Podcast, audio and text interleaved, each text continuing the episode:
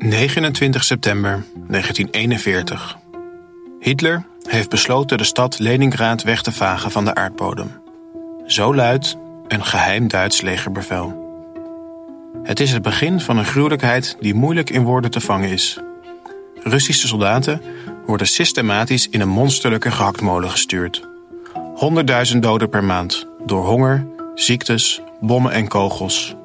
Lijken die zich opstapelen in de straten van Leningrad. Te midden van deze horror begeeft zich het echtpaar Maria en Vladimir Poetin. Vladimirs been raakt doorzeefd met granaatscherven tijdens een missie voor de geheime politie. Die verwonding blijkt zijn redding, omdat hij in het ziekenhuis mag blijven. Maria wordt voor dood aangezien wanneer ze flauw valt en belandt in het lijkenhuis. Maar haar gekreun weet de aandacht te trekken. En ook zij overleeft het beleg van 872 dagen dat een miljoen inwoners het leven kost. Hun baby Victor overleeft het niet. Hij bezwijkt aan difterie. Het is de tweede zoon die het echtpaar op jonge leeftijd verliest. Het lijkt dan ook een wonder wanneer Maria acht jaar na de belegering op haar 41ste alsnog zwanger raakt. Op 7 oktober 1952 wordt Vladimir Vladimirovich Poetin geboren in een stad geteisterd door honger, armoede en trauma. Ее цель – защита людей, которые на протяжении 8 лет подвергаются издевательствам, геноциду со стороны киевского режима. Sinds de inval van Rusland in Oekraïne vraagt de wereld zich af wie nou de echte Poetin is. Heeft hij last van grootheidswaan of hebben wij gewoon al die tijd niet goed opgelet? In deze podcast ga ik, Simon de Kerhupkes, op zoek naar de drijfveren achter de handelingen van Vladimir Poetin, die al meer dan 20 jaar de koers van de Russische Federatie bepaalt. Hoe was zijn jeugd? Wie zijn zijn vrienden? En welke sleutelmomenten hebben zijn visie op de wereld bepaald? Welkom bij Wie is Poetin? In deze aflevering onderzoeken we of de moeilijke jeugd van Poetin de basis heeft gelegd voor zijn onderdrukkende stijl van leiderschap. Hiervoor spreek ik met kinder- en jeugdpsychiater gespecialiseerd in het jonge kind, Binu Singh. Ze is voorzitter van de Vlaamse afdeling van de World Association of Infant Mental Health en een pionier op het gebied van vroeg kinderlijke ervaringen en wat die later in het leven teweeg brengen. Welkom Binu vanuit het mooie Vlaanderen. Dankjewel Simon voor de uitnodiging. Heel fijn om hier te zijn. Fijn dat je met ons wilt praten. En gelijk even een opmerking. Eh, dit gesprek is opgenomen uh, op afstand. Dus als er enige kraak is of pauze tussen onze vragen en antwoorden, uh, dan weten we waardoor dat komt. Binu, voordat we die anekdote van zojuist gaan bespreken. over dus de, ja, de, de vroegkinderlijke ervaringen van Poetin en de, de situatie waarin hij is opgegroeid. moet ik even uitleggen wat we gaan doen. Want Poetin is hier niet jij hebt hem ook niet uh, behandeld. Dus we gaan hem niet op de, op de sofa leggen. Maar wat we wel kunnen doen is informatie geven over zijn jeugd. En dat jij vanuit jouw ervaring vertelt ja, wat je in het algemeen ziet bij uh, kinderen met, met soortgelijke ervaringen, soortgelijke achtergronden. En de lessen die we daaruit kunnen trekken. Zeg ik dat zo goed? Ja, dat klopt heel erg. Hè? Want we gaan wel uh, vanuit het leven van Poetin praten als een, als een soort voorbeeld, een concreet voorbeeld. Maar alles wat ik vertel is meer uh, gaan nadenken vanuit wat we in onderzoek leren. Van wat kunnen we in ons dagelijks leven en praktijk van daaruit meenemen. En hoe kunnen we naar de dingen kijken en erover nadenken. Zonder te zeggen van, uh, zo is het nu voor Poetin. En, en ja. zo, hè? Want, want ik ken hem inderdaad persoonlijk niet. Um, en ik heb zeker ook niet de houding dat ik uh, de waarheid in, in pacht heb. Het is gewoon eigenlijk samen nadenken over de dingen vanuit de kennis en de ervaring ja. die ik heb vanuit mijn vakgebied. Ja.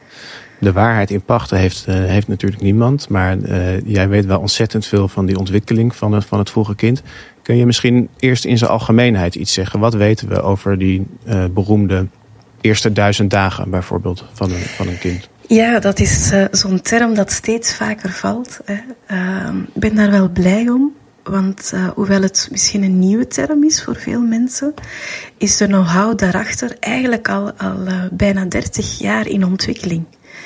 En, en, zelfs al langer, maar de laatste 30 jaar gebeurt er ontzettend veel onderzoek naar de impact van onze vroegste kindertijd vanaf de conceptie op onze gezondheid en op hoe dat we in het leven staan. En wat heel boeiend is en waar ik enorm door gebeten ben, is dat het uh, ja, zo frappant is, hè, om dat op Vlaams te zeggen, uh, dat de vroegste kinderervaringen, uh, of de vroegste ervaringen uit je kindertijd, een fundament leggen voor je gezondheid. Ehm, de kans op ziektes, zelfs je natuurlijke doodsoorzaak kunnen voorspellen. Ja. maar ook uh, ons laten zien dat het, dat het een fundament ligt over hoe je schoolloopbaan zal verlopen. Hoe je kansen op de arbeidsmarkt zullen zijn. Welke salaris je later zult verdienen. Ja. Hoe geslaagd je partnerrelatie zal zijn. Uh, maar betekent dat ook dat je, of dat, je lot, dat je lot al bijna vast ligt dan, na die eerste duizend Ja, dat gevoel krijg je dan wel bijna. Hè. Uh, het is voor een deel wel zo. Dat kan ik niet meer ontkennen vanuit onderzoek. Er wordt echt wel een fundament en een basis gelegd. Maar het is niet zo van, uh, dan is je lot getekend. Hè. De rest van je leven blijft ook belangrijk. Het is niet als die duizend dagen, dat is tussen je conceptie en, en twee jaar. Uh, ja. Als die voorbij zijn, dat er dan niks meer gebeurt dan gebeurt er nog heel veel. Maar uh, we zien dat zowel voor het individu als voor de samenleving uh, een kansrijke start dan wel, wel een hele mooie springplank geeft naar de rest van je leven. Ja. Omdat we dan heel snel groeien. En uh, alle, ja, al onze organen, ons brein, alles wordt dan gemaakt. Hè. Dus er zijn zelfs onderzoekers die durven stellen dat 80% van ons breinontwikkeling al klaar is op twee jaar. Dat wow. is hallucinant veel. En als ik dan, dat is inderdaad hallucinant, dus laten we dat even proberen terug uh, te schakelen naar het, het naoorlogse uh, Leningrad, later Sint-Petersburg. We weten van Poetin dat hij dus eigenlijk ja, in een situatie van honger en armoede opgroeit.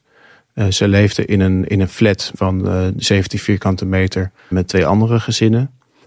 Uh, er was geen privacy, geen warm water. De ouders die moesten allebei continu werken om genoeg geld te verdienen. en het was zelfs zo dat er een, een, een Joods koppel, de buren, ook voor hem zorgde dat hij die soms aanzag voor, voor vader en moeder. dus niet zijn eigen vader en moeder als ik jou zo voed met deze ingrediënten van een, van een jeugd, uh, wat zeg je dat dan over de, de ontwikkeling van het kind, Poetin? Ja, daar zitten, als ik die ingrediënten mag samenvatten, dan, dan heeft, uh, heeft Poetin in, in die belangrijke periode, die eerste duizend dagen, of zelfs de eerste zeven jaar, zeggen we altijd, in de vroege kindertijd, eigenlijk honger, armoede, geweld, tekort aan liefde, veiligheid, met andere woorden, hele hoge stress gekend. Ja. En uh, wat we zien in onderzoek, dat als je uh, te weinig juiste bouwstoffen binnenkrijgt, hè, dus te weinig goede voeding, in combinatie met hele hoge stress, hè, uh, dat dat enorm veel impact heeft. Want wat doet dat eigenlijk? Dat, geeft, uh, dat programmeert je lichaam en je brein ja.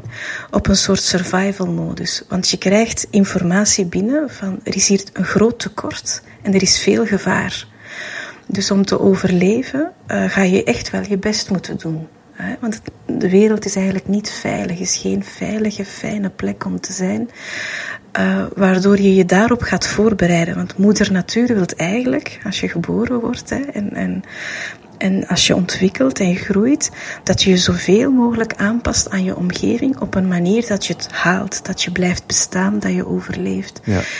Poetin vertelt soms over zijn papa over ja. zijn vader, dat hij zo streng was, zo dominant, zo autoritair, uh, weinig empathisch. Hè? Dus ja. dat hij dat gedrag voor een stuk gaat kopiëren, als hij dat niet herstelt wat het met hem gedaan heeft, dat zien we dus terugkomen tussen generaties door. En de paar dingen die we ook inderdaad kennen van Poetin, die hij zelf heeft verteld over zijn jeugd, is dat inderdaad een element wat steeds uh, terugkomt. Van vrij streng, maar ook dus weinig uh, genegenheid. Ja. Uh, dus ja. zelf bijvoorbeeld weinig geknuffeld of gekust, maar hij zag ook zijn ouders onderling dat niet naar elkaar naar ja, en dan zou je Ja. kunnen stellen, hè, allemaal eh, met heel veel ja-maars en, en relativiteit, maar toch, toch ook wel een bepaalde waarheid daarin. Als hij zelf weinig liefde en genegenheid heeft gekend, hè, dan gaat hij misschien denken dat je een goede leider bent en goed voor anderen zorgt door heel streng en autoritair Ja. te zijn en goed te zeggen wat ze moeten doen, in plaats van verbinding te maken en af te stemmen en te kijken wat heb je nodig en daaraan tegemoet te komen. Ja. Dus hij is dus niet alleen een, een onthechte vader daardoor, maar ook een, een onthechte leider van zijn. Ja, je vroegste ervaringen leggen, een, leggen ja, een basis van hoe je naar de wereld kijkt en hoe je in de wereld gaat staan.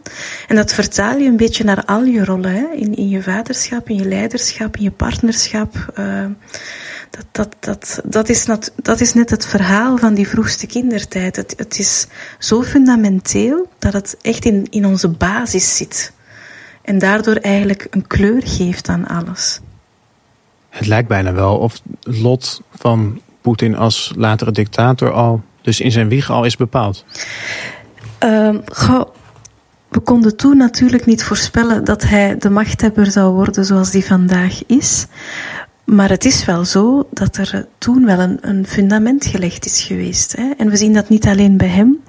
We zien dat nog ook bij andere dictators in de geschiedenis, bij Hitler, bij Stalin.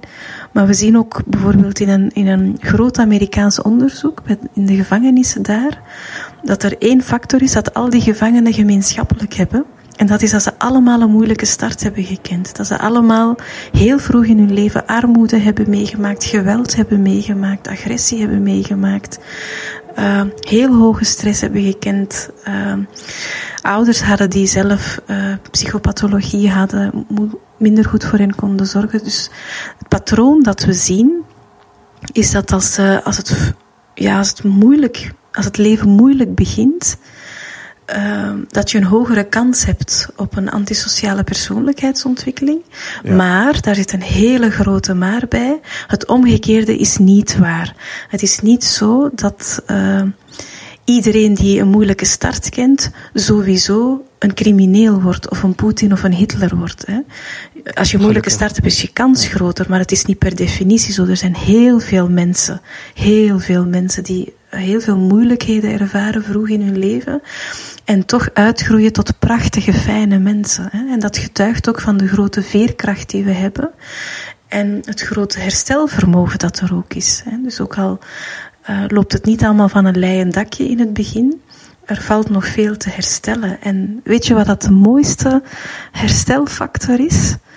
En dat klinkt zo geitenvolle sokken en soft, maar het is echt waar en dat is toch liefde en verbinding ervaren. Uh, Gabor Maté uh, zegt dat heel mooi. Hè? Zegt van uh, trauma is niet wat we ervaren, maar dat we daarin alleen zijn. Dus als we daarin verbinding ervaren met iemand die liefdevol bij ons aanwezig is, kunnen we hele erge dingen meemaken en daar toch heel goed uitkomen. 1 september 1960. Vladimir gaat voor het eerst naar school. Naar de kleuterschool is hij nooit geweest. Dus hij is onbekend met de sociale gebruiken. Hij neemt een kamerplant mee voor de juf in plaats van bloemen. De kleine Poetin gedraagt zich impulsief en agressief. School interesseert hem niet en hij voelt zich aangetrokken tot kinderen die volgens zijn juf een slechte invloed op hem hebben. Uit wanhoop doet zijn vader hem opboksen. Vanwege zijn geringe lengte en tengere postuur geeft Poetin dit al snel op. Maar hij vindt wel een andere sport die hem ligt: judo. Een sport waarbij het niet draait om je lengte of kracht, maar om het vinden van de zwakke plek van je tegenstander. Het betekent een ommezwaai in Poetins leven. Een middel om zich in de roedel te laten gelden. Niet langer hoeft hij te verliezen van jongens die groter en sterker zijn dan hij. Poetin verandert van een onruststoker in een ambitieuze judo- en schoolleerling. Binu, uh, die, die keuze voor judo, waarmee hij zich kan manifesteren als groot en sterk en zich kan laten gelden, overleven in zijn omgeving. Uh, wat zegt die voorkeur voor jou? Ehm, ja, een hele logische voorkeur lijkt het mij. Want ehm, je ziet bij hem dat, dat de vroege stress heeft gemaakt dat hij kleiner, tenger en minder krachtig is. Dat is een effect van vroege stress op zijn lichaam. Ja. Uh, we kunnen dus er ook van uitgaan hè, dat hij in een survival modus geprogrammeerd zit. Dus je komt in een omgeving waar hij eigenlijk bedreigd is. Hè. Dus hij moet gaan zoeken, hoe ga ik overleven? Hoe ga ik me hier staande houden? En dan vindt hij iets waarmee uh, ja, hij kan overleven, zich kan doen gelden en kan blijven staan.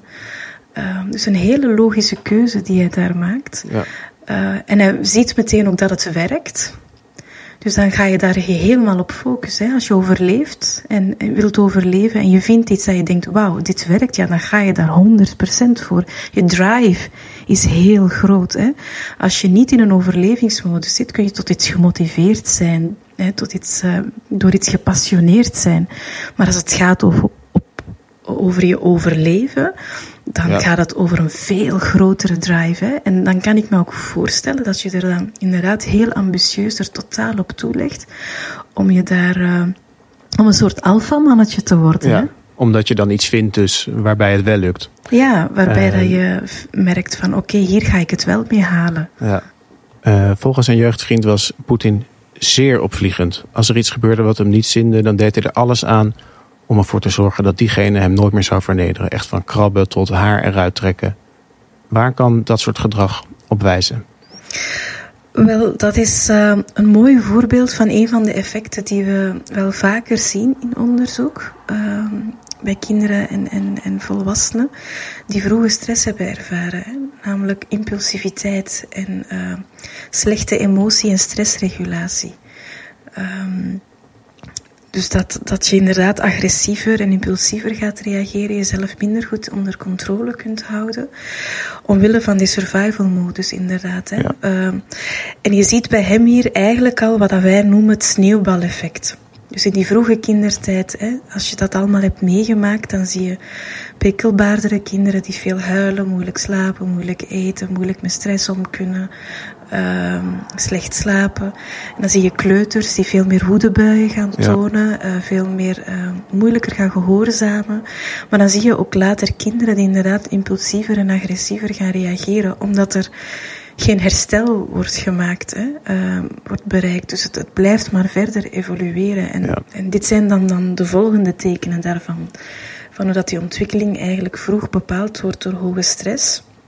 En hoe dat ja. uh, de omgeving die survival modus maar blijft bevestigen. Hè. Dus je gaat daar alsmaar verder in groeien. Dus als je, je we zien soms in onderzoek, als we uh, bepaalde uh, stimuli laten zien dat iemand in survival modus is, hè, bepaalde mimiek op een gezicht veel sneller als bedreigend ervaart dan iemand ja. die niet daarin zit. Dus zelfs als iemand een gewone opmerking maakt, zijn ze veel sneller beledigd en gaan ze veel sneller zichzelf gaan verdedigen, want ze voelen zich bedreigd. Ze voelen zich eerder aangevallen, ja, terwijl dus ja, een, een, omdat, een ander iemand dat niet op die manier zou interpreteren. Omdat dat brein gewoon al heel vroeg geprogrammeerd is en herbevestigd blijft worden in uh, het is hier heel gevaarlijk, dus wees maar uh, heel alert. Ja. Um, omdat het geen andere input krijgt. Hè. Dus je, je legt banen aan in je brein die alsmaar dieper ingebeiteld ja. raken. En je ziet dat Het is heel, heel binair. Het is, het is hij of ik. De regels van ja. de straat. Ja, ja. inderdaad. We weten ook van Poetin dat hij ook echt om, om zichzelf uh, te plezieren uh, had hij dus niks te doen. Dus ging het echt om met straatbendes in het uh, Leningrad. En één anekdote die hij zelf vaak later heeft verteld, is die over de rat. Dat dan vaak dat hij vaak met zijn vriendjes die ratten achterna zat. en dat hij op een gegeven moment eentje achterna zat en in een hoek dreef.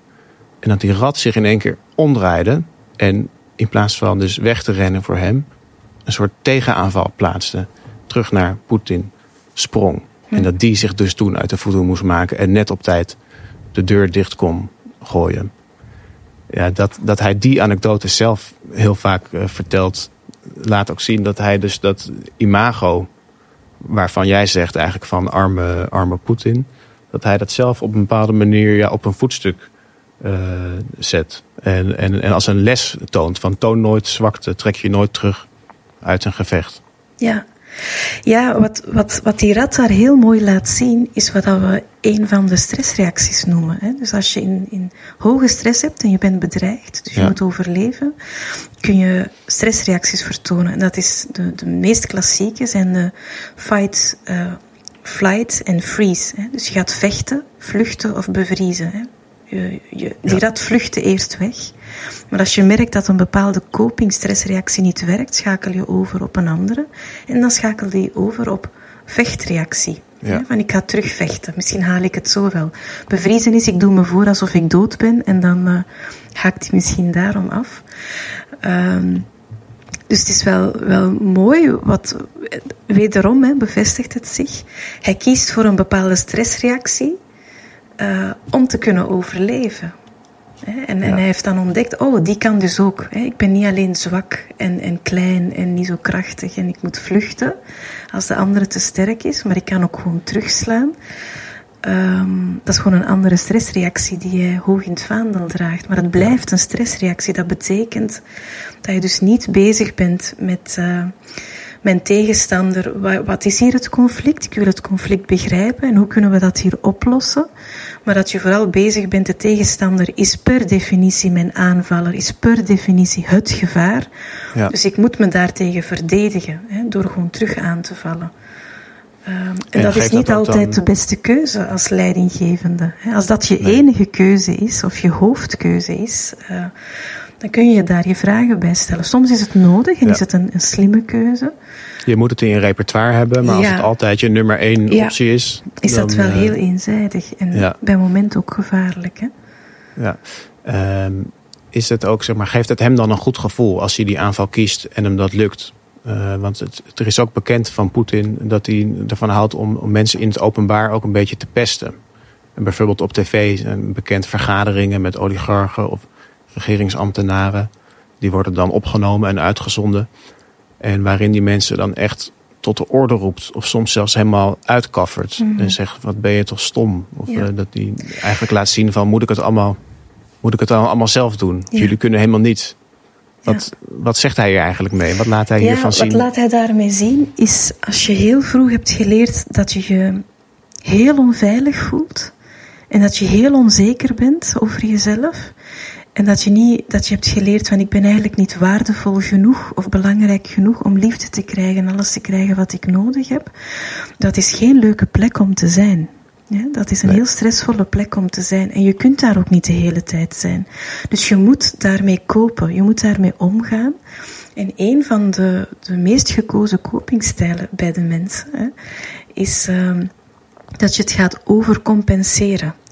Je gaat de onveilig gevoel overcompenseren door alle controle te nemen. Van dan bepaal ik de situatie, dan heb ik het tenminste in de hand, hoe onveilig ja. het is en hoe, ik het veilig kan maken eventueel.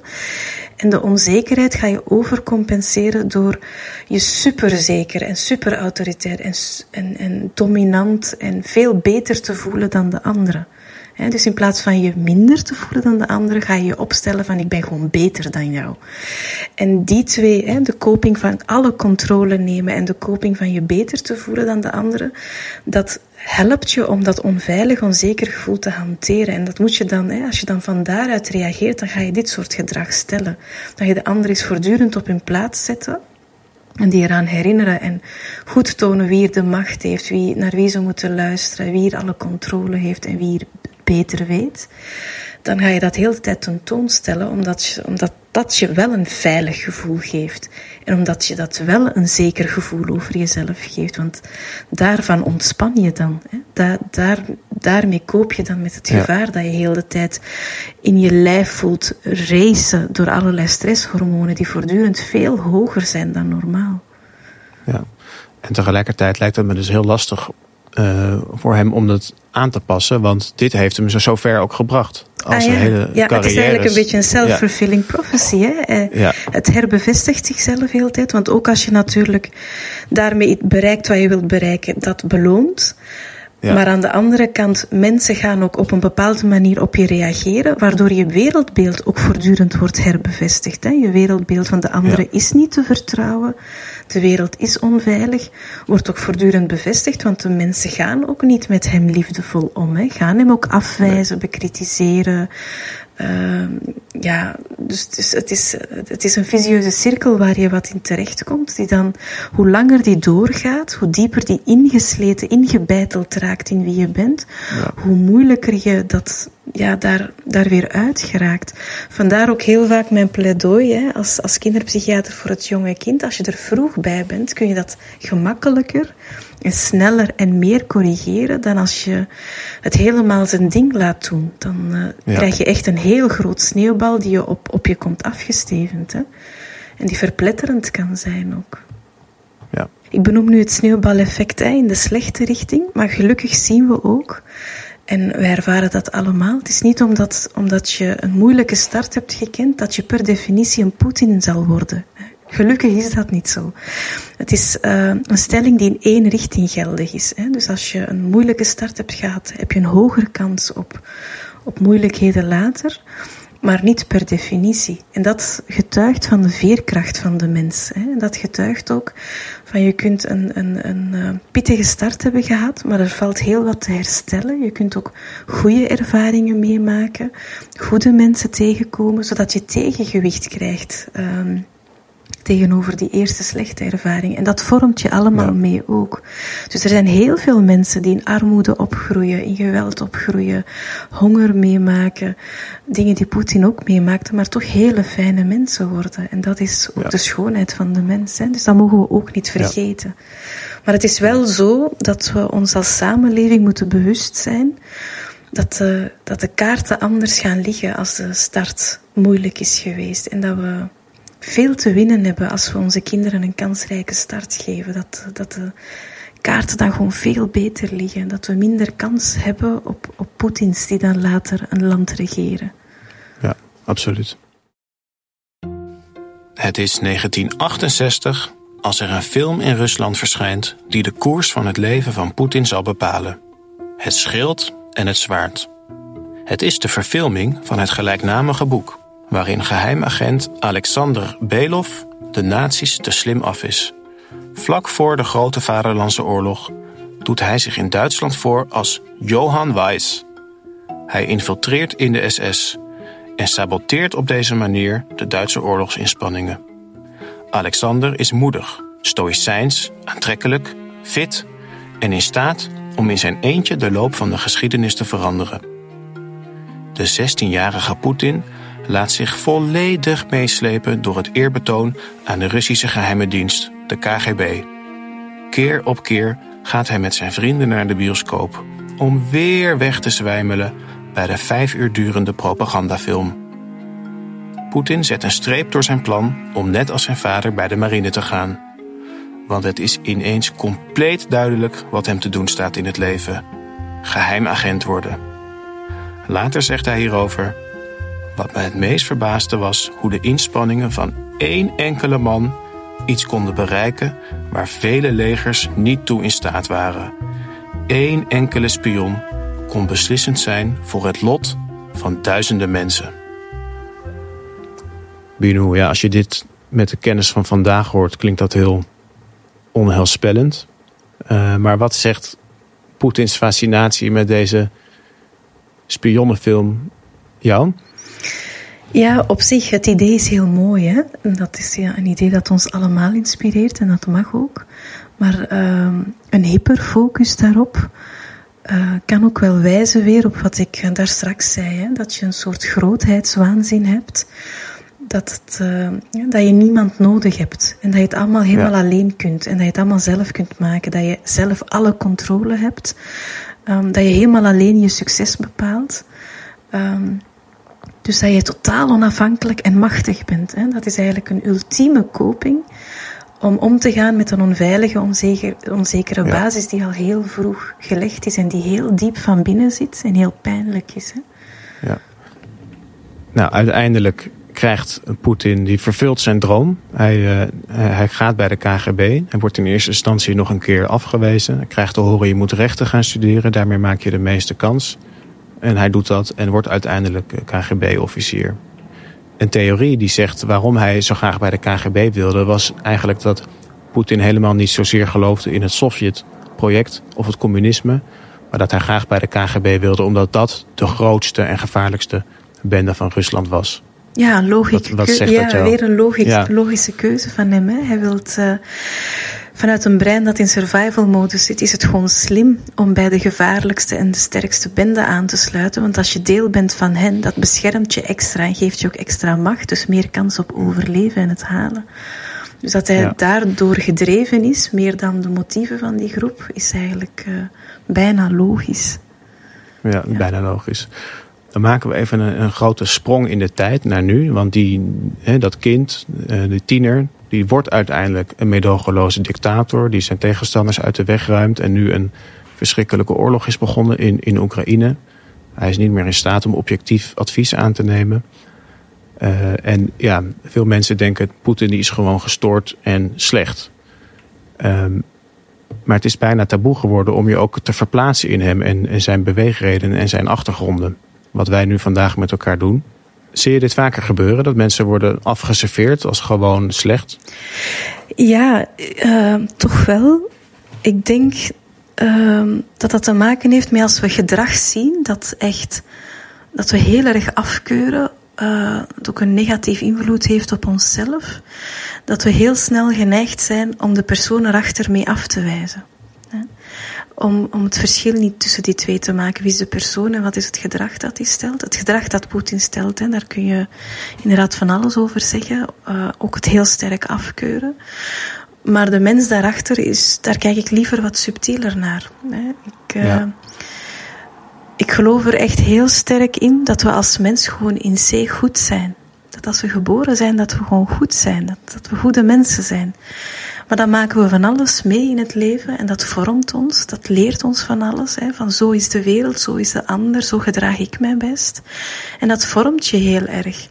En, en Poetin is ook op een bepaalde manier gevormd geweest, waardoor dat hij vandaag de, het gedrag stelt dat hij stelt. En het is toch wel goed om daarnaar te durven kijken ook. Niet vanuit het stuk om het goed te praten, van ja, Ocharme ja, heeft zoveel meegemaakt, dus hij kan er niet aan doen. Want dan, dan uh, ga je ook weg van, van je eigen verantwoordelijkheid. Je kunt van alles meemaken. Uh, maar je hebt ook een verantwoordelijkheid om te erkennen dat je dat hebt meegemaakt en om te zeggen: oké, tot wie heeft mij dat nu gevormd en wat voor gedrag stel ik vandaag en is dat oké okay, of is dat niet oké okay? voor mij, voor de ander? Wil ik het anders en wat heb ik dan nodig om het anders te doen en daarmee aan de slag te gaan? Het is wel heel makkelijk om te zeggen, ja, ik ben zo geboren of jullie hebben mij zo gemaakt, nou deel we dit. Ja. Dat is zeker ook niet de boodschap. Um, dus ik zou daar toch ja. uh, uitnodigen om daar genuanceerder naar te kijken.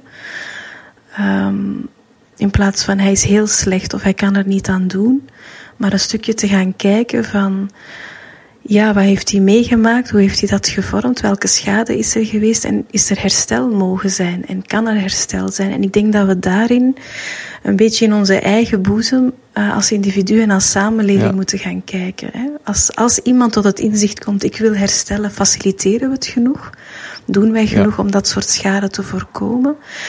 En zelf als individu van oké, okay, je hebt ook een bepaalde verantwoordelijkheid over jouw leven. Ga je die stappen zetten? Neem jij die moedige keuze ook? Maak jij die ja. keuze ook? Wij gaan richting uh, afronding, uh, Binou, uh, van dit interessante wat we allemaal hebben besproken met elkaar. En ik wil even toch terug naar gewoon de Poetin zoals wij die kennen. Gewoon, we zien hem op tv en hij moet een belangrijke beslissing nemen over het verloop van de oorlog in, in Oekraïne. Of hij moet reageren op een, crisis uh, die er is gebeurd. Um, wat moeten de mensen volgens jou in hun achterhoofd hebben over Poetin? Um, wanneer ze naar hem kijken en, en hoe hij dan zijn besluiten moet nemen? Ik denk dat we moeten kijken dat er daar een man staat die, die gevormd is door het leven. En die van daaruit probeert te doen wat hij denkt dat het beste is. Uh, terwijl het voor anderen misschien niet altijd het beste is. En ik denk dat hij daarin misschien op een heel extreme manier een stukje spiegelt dat wij allemaal in ons hebben. Ja. Ik zeg, ik durf wel stellen dat in ieder van ons een gekwetst kind zit die een tekort heeft ervaren. En in ieder van ons duikt die soms op. En dan gedragen wij ons ook soms op een manier waarvan we achteraf denken: mm, dat was nu toch niet de meest volwassen, goede manier om met de dingen om te gaan. Ja. Maar dat neemt het soms over. En dan zie je hoe, wat voor effect dat dat heeft. En dat, dat het goed zou zijn dat we, dat, dat, dat we die stukken in ons erkennen, zien en helen om op een andere manier te reageren. Want als je dat niet doet, dan laat Poetin in extremis zien ja. hoe karikaturaal dat, dat is voor je omgeving. Hè? Dus laat het, laat het een beetje een herinnering zijn of een uitnodiging zijn. Om de Poetin in onszelf. Om de Poetin in onszelf te helen en in de ogen te zien en die te eren en te zeggen: Oké, wat heb jij niet gehad dat je wel nodig had? En hoe kan ik het je nu wel geven? Zodat je jezelf niet hoeft uit te leven in de buitenwereld, maar dat je tot rust kunt zijn in mijn binnenwereld. Ik vind het eh, zeer inspirerend uh, hoe je een, een vraag over de meest gehate man in de westerse wereld weet om te buigen naar een uitnodiging tot, uh, tot zelfreflectie. Ja. Dankjewel, uh, Binu Singh. Graag gedaan en dankjewel voor dit mooie gesprek. Je luisterde naar Wie is Poetin? Hoe het voelt om doelwit te zijn van een autoritair leider lees je in Achtervolgd door de staatsmafia, de bestseller van Bill Browder. Dit boek kun je met korting bestellen bij boekenwereld.com schuine streep wie is Poetin. In de volgende aflevering spreek ik met historica en Stalin-deskundige Hester den Boer. Hoe kan het dat ondanks alle vrijheidsbeperkingen Poetin zo populair blijft onder de Russische bevolking? Essentieel is om het Rusland van nu te begrijpen en ook begrijpen hoe mensen kijken naar Stalin uh, en ook naar Poetin, is dat Poetin natuurlijk aan de macht is gekomen na Yeltsin. Uh, onder Yeltsin was er democratie. Voor Russen is dat de meest zwarte periode van de Russische geschiedenis. Wie is Poetin? Is een productie van uitgeverij Atlas Contact en VBK Audiolab. Wil je op de hoogte blijven van nieuwe afleveringen? Klik dan op abonneren. En bedankt als je een review geeft of de podcast deelt. Redactie van deze podcast is in handen van Simon Dikker-Hupkes, Rachel van der Pol en Bartje Kiers. Concept en productie Ellen van Dalsen. Regie Rachel van der Pol. Techniek en montage Tinium Audioboekproducties.